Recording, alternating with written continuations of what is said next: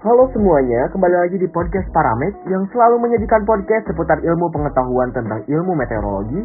Nah, pada bahasan kali ini kita bakal ngebahas tentang puting beliung. Kira-kira teman-teman semua tahu gak sih arti puting beliung itu apa? Dan apakah angin yang bertiup kencang itu sama dengan puting beliung?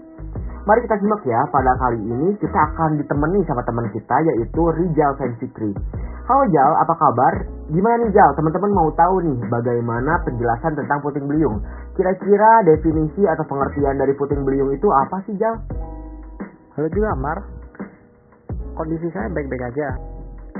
Nah, sekarang saya ingin menjelaskan mengenai angin puting beliung. Angin puting beliung sendiri merupakan pusaran angin kencang dengan kecepatan 120 km per jam atau lebih.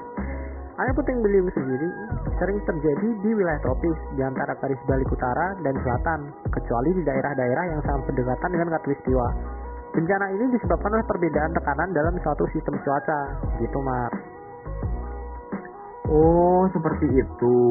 Nah, kira-kira tanda-tanda apa saja sih Jal kalau misalkan kita mau mengidentifikasikan bakal terjadinya puting beliung di suatu wilayah? Gimana Jal penjelasannya? Biasanya, angin puting beliung ditandai dengan adanya awan cumulonimbus, tapi nggak selalu ya. Nah, biasanya terjadi setelah hujan lebat atau bahkan bisa berbarengan. Di awan cibi tersebut, muncul pusaran yang kemudian membesar menjadi angin puting beliung yang bisa menghancurkan wilayah di sekitarnya. Nah, aku juga heran nih, Jal. Kalau misalkan angin yang ada di lapangan, padahal cuacanya lagi panas-panasnya, itu sebenarnya angin puting beliung juga gak sih? Kan sama-sama muter kayak gitu. Oh, kalau itu bukan. Itu namanya dash devil. Itu biasanya disebabkan oleh pemanasan gitu, Mar. Nah, kalau kalau puting beliung itu udah pasti saat adanya awan cibi. Oh iya, satu lagi. Sebenarnya mirip-mirip aja sih sama puting beliung. Cuman kalau angin yang terletak di lautan itu namanya water sprout.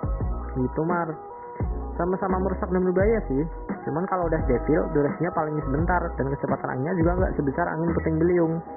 Nah, kalau di wilayah Eropa Amerika, puting beliung ada versi gedenya. Tahu kan tornado?